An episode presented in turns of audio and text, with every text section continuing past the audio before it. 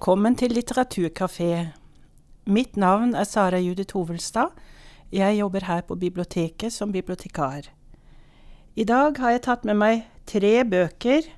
En litt eldre bok som heter Tilværelsens uutholdelige letthet av Milan Kundera. Så er det Der du kommer fra av Sassa Stanisik. Den kom ut i år og Agota Kristoffs selvbiografi 'Analfabeten'. Den kom også i år. Her ser dere bilder av forfatterne. Milan Kundera, Agota Kristoff og Sasa Stanisik. Jeg har laget meg et tema for dagens bokprat. Det er følgende Hvor kommer du ifra? Og hva med dine røtter? Eller å snakke sant om slik det ble. Nå kommer jeg til å si litt om hver bok først, og til slutt så sier jeg litt om hva jeg syns de har felles. Først Tilværelsens uutholdelige letthet av Milan Kundera. Den kom ut i 1983 på Aventura forlag og er på 291 sider. Coveret til boka. Det er litt anonymt, brunt og lilla. Det kan se ut som det er skinninnbundet. Det kan se ut som en litt gammel bok. Foran er det to trekanter, og inni de står det med rosa skrift forfatterens navn, Milan Kundera. Tittelen står innimellom litt utflytende. Tilværelsens uutholdelige letthet. På bokryggen deriblant, derimot så står forfatterens navn veldig tydelig, Milan Kundera. Språk i boka. Boka er delt inn i syv deler. Jeg har lyst til å lese hva de heter for dere.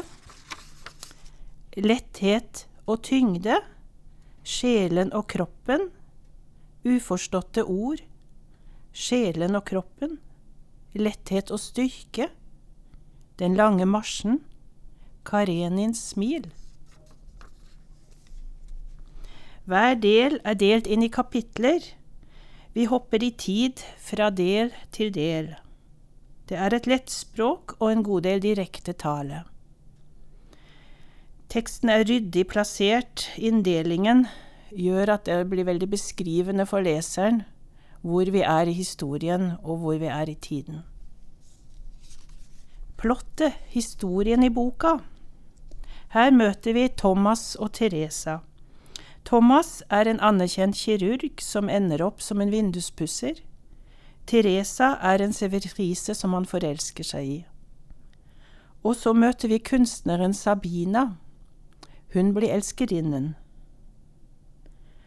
Her handler det om kjærlighet, trofasthet, frihet, skjørtejegere, vi er i Praha under kommunistregimet, og mens kommunistene tar over, utspiller det seg et trekantdrama mellom Thomas, Teresa og Sabina. Thomas og Teresa og hunden Karenin flykter etter hvert til Sveits, til byen Zürich. Men så går det noen år, og så reiser de tilbake til Tsjekkia av forskjellige grunner. Da må de flytte i et kooperativ ut på landet og arbeide hardt. Boka tar opp tema som Hva er kjærlighet? Hvorfor velger vi slik vi gjør? Trofasthet? Her er det en god del filosofering. Hvorfor liker jeg så boka? Jo, jeg syns det er en veldig intelligent filosofering rundt begrepene kjærlighet, trofasthet, frihet og valg. Samtidig så er det en interessant handling historien utspiller seg i. Invasjonen i Tsjekkia, protestbevegelsen og flukten til Sveits. Den mannlige fortellerstemmen er ærlig og reflekterende. Hvem passer boka for? Jeg syns den passer for den godt voksne kvinnelige leser.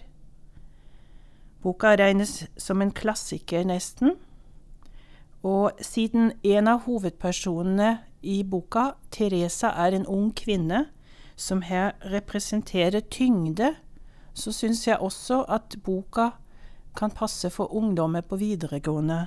For her er det en god del snakk om å ta valg, og det er jo aktuelt for den gruppa.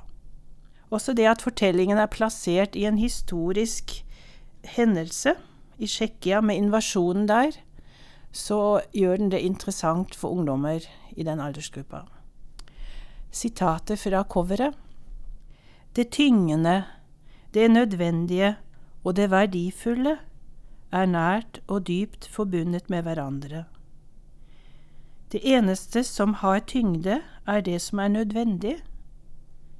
Det eneste som har verdi, er det som har tyngde. Litt om forfatteren Milan Kundera. Han er født i 1929 i Tsjekkia, i en by som het Bruno. Han utdannet seg ved Kunstakademiet i Praha innen film og musikk. Språket hans var da først eh, tsjekkisk. Han skrev på tsjekkisk. Etter hvert så skrev han på fransk. Fra 1993 så skriver han på fransk. Han debuterte i 1953. Han var medlem av kommunistpartiet og skrev skuespill, annet De som eier nøklene. I 1975 emigrerte han til Frankrike og er i dag bosatt i Paris. Andre bøker han har skrevet, Livet er et annet sted, som kom i 1973, Avskjedsvalsen, 1978, Romankunsten, 1987, Latteren og glemselens bok, Den kom i 1977, og den beskriver landsmennenes motstand mot sovjetregimet. Han ble etter hvert også ekskludert fra dette kommunistpartiet. Tilværelsens uutholdelige letthet er utgitt på mer enn 20 språk. Milan Kundera regnes i dag som en av Europas ledende prosaister. Det er annet sagt om Kundera. Alle sitater av Milan Kundera er kunstverk. Ikke bare inneholder hans romaner vakre plotter, men også en grundig refleksjon over verden og den moderne mannen. Han har evnen til å dykke inn i den menneskelige underbevissthetens labyrint. Så skal dere få et sitat av Milan Kundera. Jo tyngre byrden er, jo nærmere jorden kommer våre liv. Jo mer reelle og sannferdige blir de. Så til den andre boka, som er kommet ut på Cappelen-Dams forlag i, i, år. Originalen kom i 2019. Den heter Der du kommer fra, og er av Sassa Stanisik. Den er på 312 sider. Først litt om coveret, omslaget. Dere ser det er grønt og brunt. Det grønne kan representere naturen, det brune jorden, kanskje. Vi ser en liten gutt med et troskyldig blikk som leker med en bil. Rundt boka er en svart ramme.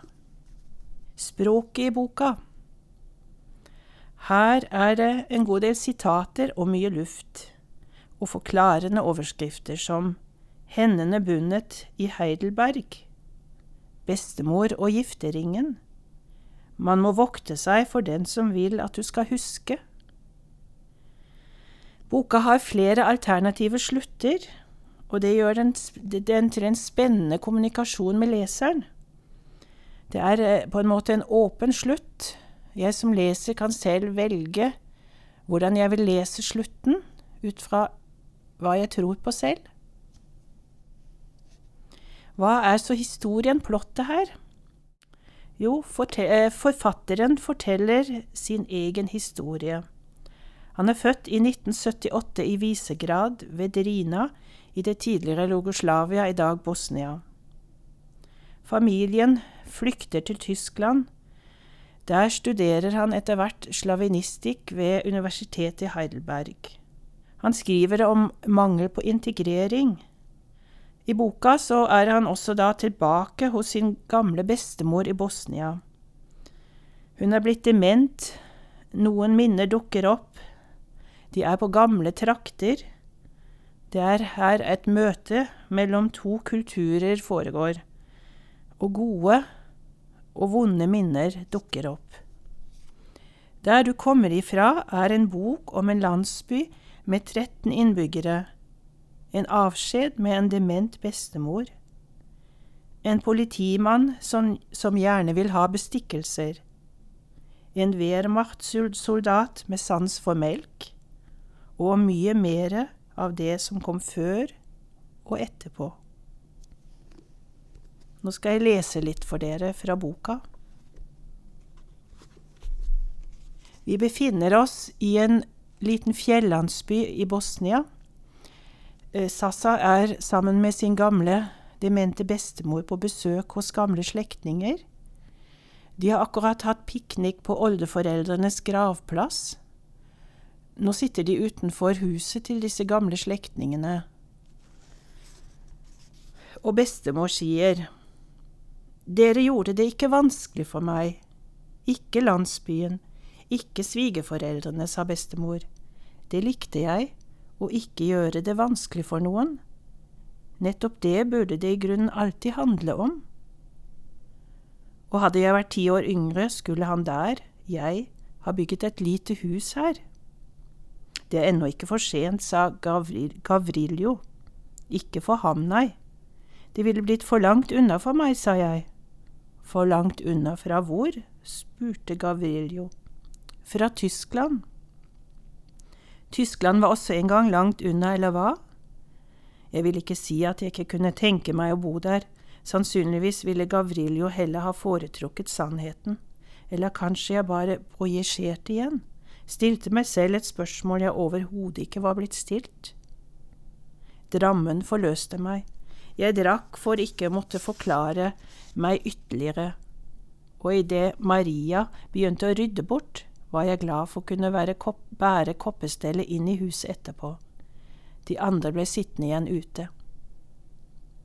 Gulvknikkingen i landsbyens stuer, panelte vegger, den eneste pyntegjenstanden, en rytter med spyde rettet mot en drage. To-tre figurer i gloriegull, reptilgrønt og blodrødt. Rytteren med lokker og kappe, gangeren med et så fyrig blikk at jeg først trodde det var stearinlys i øyehulene. Dragen vil vike unna spydet, vrir på seg, kroppen krummer seg i forsvar, blodsprut hesteha på hesteharen. Bildene flimret, lyset så fullt av adjektiver at jeg måtte blunke. Spydbæreren og dragen rykket til som om de faktisk kjempet. Jeg var full. Jeg snudde meg bort. Det veldige bordet med voksduk på, Maria som kom ut fra kjøkkenet med fat fulle av kjøtt, ost og brød, vi som nettopp hadde spist kaker, oppdekkingen til sex, jeg spurte om han ventet flere. Man vet aldri hvor mange som kommer, sa hun. I hylla en liten TV, en flue slo ned på billedskjermen, hekleduker på hylla, og på hekledukene to innrammede fotografier av krigsforbryterne Radovan Karachi og i uniform Ratko Marek. Jeg måtte sette meg. Mer, spurte Maria. Hun mente vel ikke fullt alvor mer mat? Det grå kjøttet lå stablet opp foran meg. Jeg ville ikke greie å få ned en matbit, eller mente hun mer av disse bildene av det dødsdømte livet på landet? Og samtidig overfylte serveringsfat, mer opprinnelseskitsch, som jeg ville kunne reprodusere?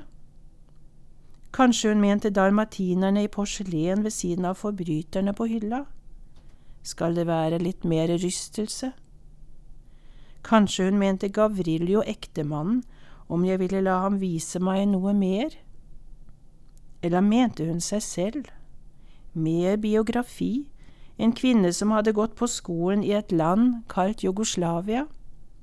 Åtte klasser, pionerhilsen, en ekskursjon med toget til Etnologisk museum i Sarajevo, den lengste reisen i hennes liv?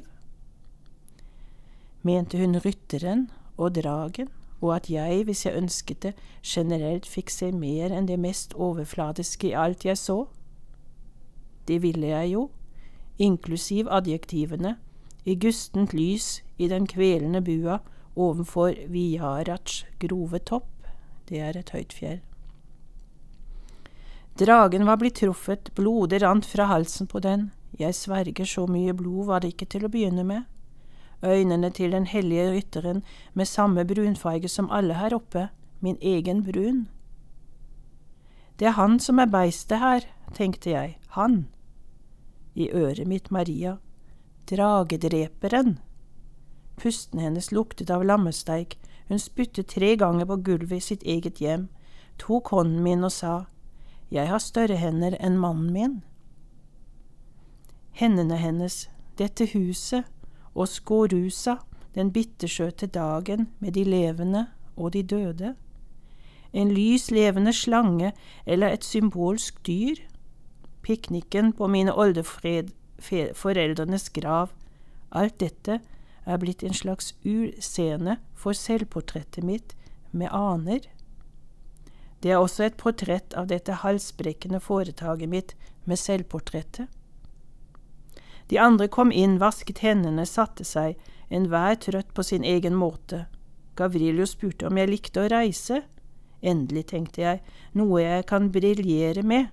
Jeg ramset opp land på land, fortalte om Goethe-institutter, om universiteter og forlag, fortalte om de ubesværede utenlandsstipendiene. Jeg hadde vært i USA, i Mexico, Colombia, India og Australia. For hvert sted lenger unna Oscurosa forekom denne opptellingen meg stadig mer absurd. Jeg hørte meg selv si jeg hadde drukket mitt livs beste tequila i Guadalajara. Jeg antok at, antok at Gavriljo forsto det som en landevinning å ta seg en god dram. Jeg ville bli likt av ham. Gavriljo viste ingen tegn til sinnsbevegelse heller ikke krigsforbryterne i vitrineskapet. Gavriljo satte i gang med å fortelle om sin reise. En dag skal det ha dukket opp lingvister i landsbyen. De stakk en mikrofon opp foran nesa hans og sa, Kan De vennligst snakke inn i denne? Vi vil høre hvordan det låter. Han ville jage dem bort, fordi man skal ikke glane på kjeften til folk, men på det de sier med kjeften. Så hadde han tatt seg det og spurt lingvistene hva de selv hadde å si. Ja, og de fortalte om dialekten, at den var helt spesiell og inneholdt uttrykk som ellers bare forekom i Montenegro, på et sted som lå flere hundre kilometer unna. Det kunne Gavriljo derimot like, at noen snakket som han gjorde her, et helt annet sted. Han skrev ned navnet på stedet så jaget han bort lingvistene.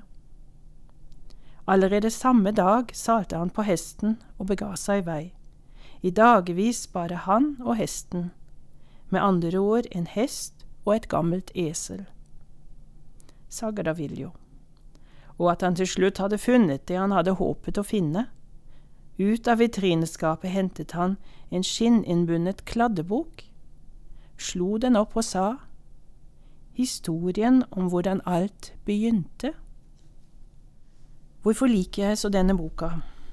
Jeg syns den er veldig interessant, om en ung mann med føttene i to kulturer. Eh, røttene hans er spredt over to land, stor geografisk avstand. Boka er lettlest og morsom innimellom. Jeg liker den åpne slutten, dette her forfattergrepet, med hva jeg selv ønsker å lese.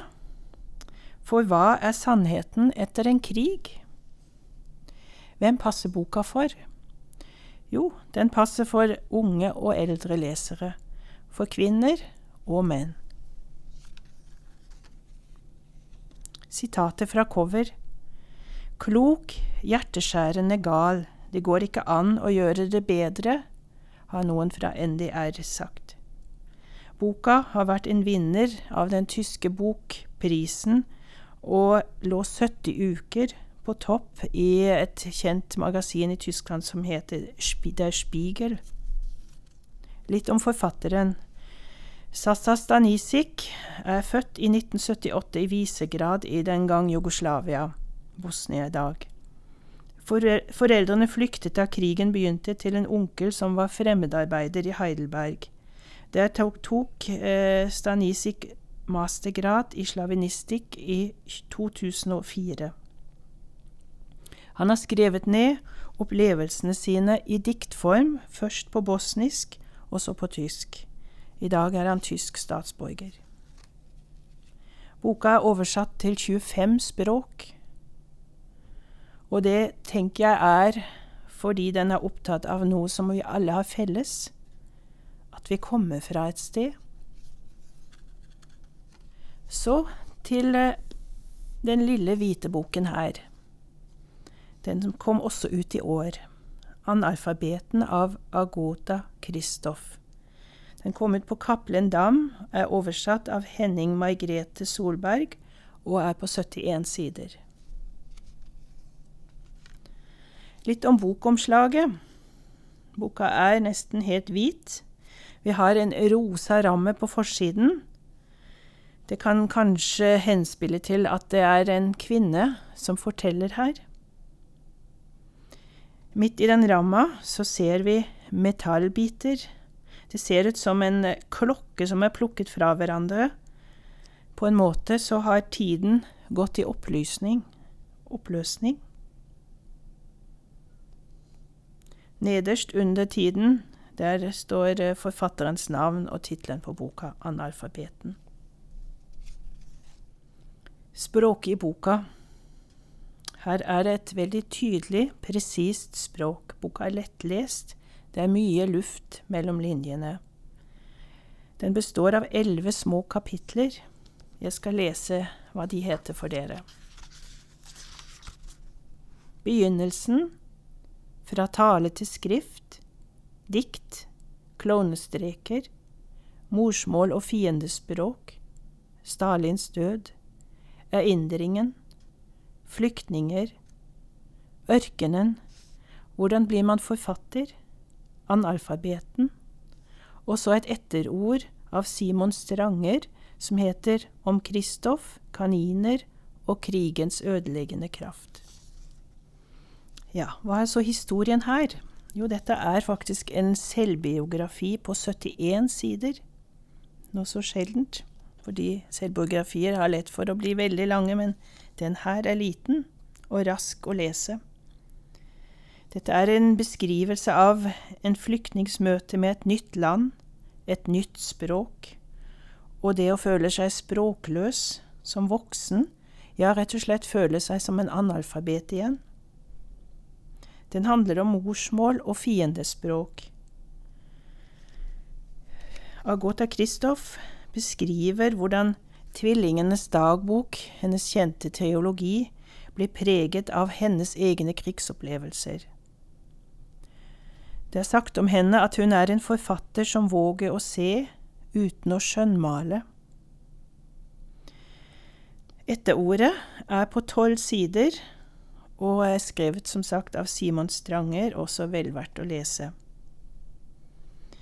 Forfatteren forteller her om oppveksten sin i Ungarn, den smertefulle atskillelsen fra brorens flukt til Sveits, og om å lære seg å skrive et nytt fremmed språk. Hvorfor liker jeg boken? Jo, etter å ha lest triologien om tvillingene som vokser opp i et krigsherjet land, og det var en sjelsettende leseopplevelse for meg, så var jeg veldig spent på selvbiografien av Agota Kristoff. Også den er ført i et knapt språk. Mye blir sagt med få sider. Det fanger meg som leser, og ber meg lese mellom linjene. Hvem passer boka for? Alle dem som har lest Tvillingenes dagbok, men også for flyktninger som trenger en kort tekst om integrering, språkutfordringer, i voksen alder. Den passer også veldig godt for elever på videregående nivå. Den er rask å lese og god å samtale om i etterkant. Sitatet fra coveret. Hvordan ville livet mitt vært hvis jeg ikke hadde forlatt hjemlandet mitt?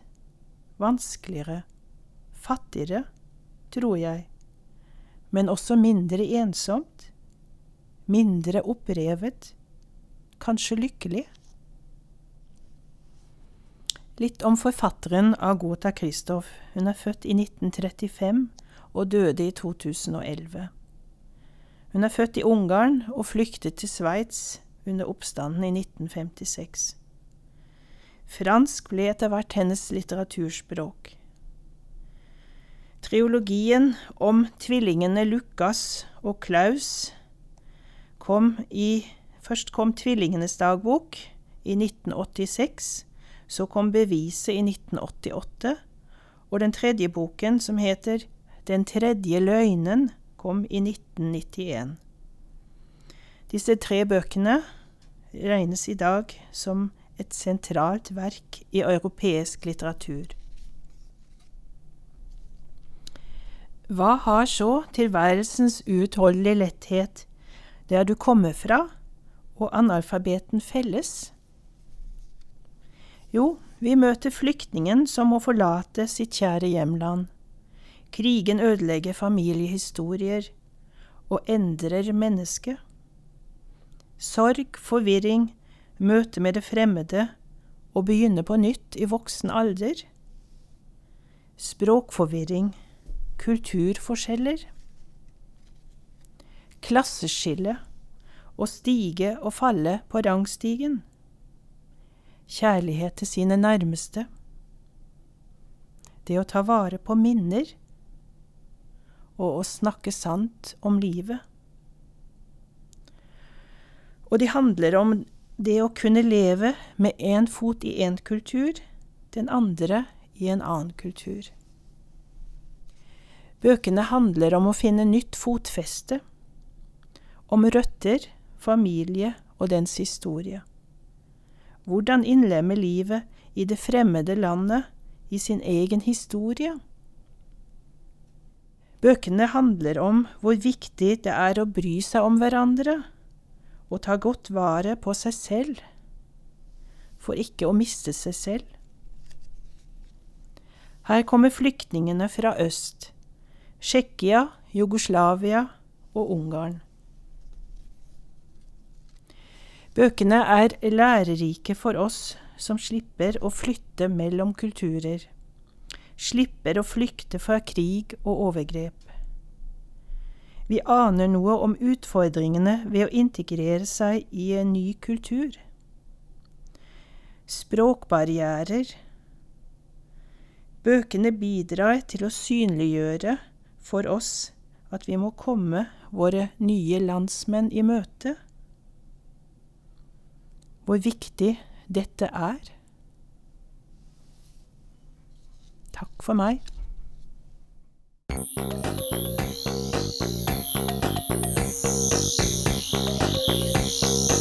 you.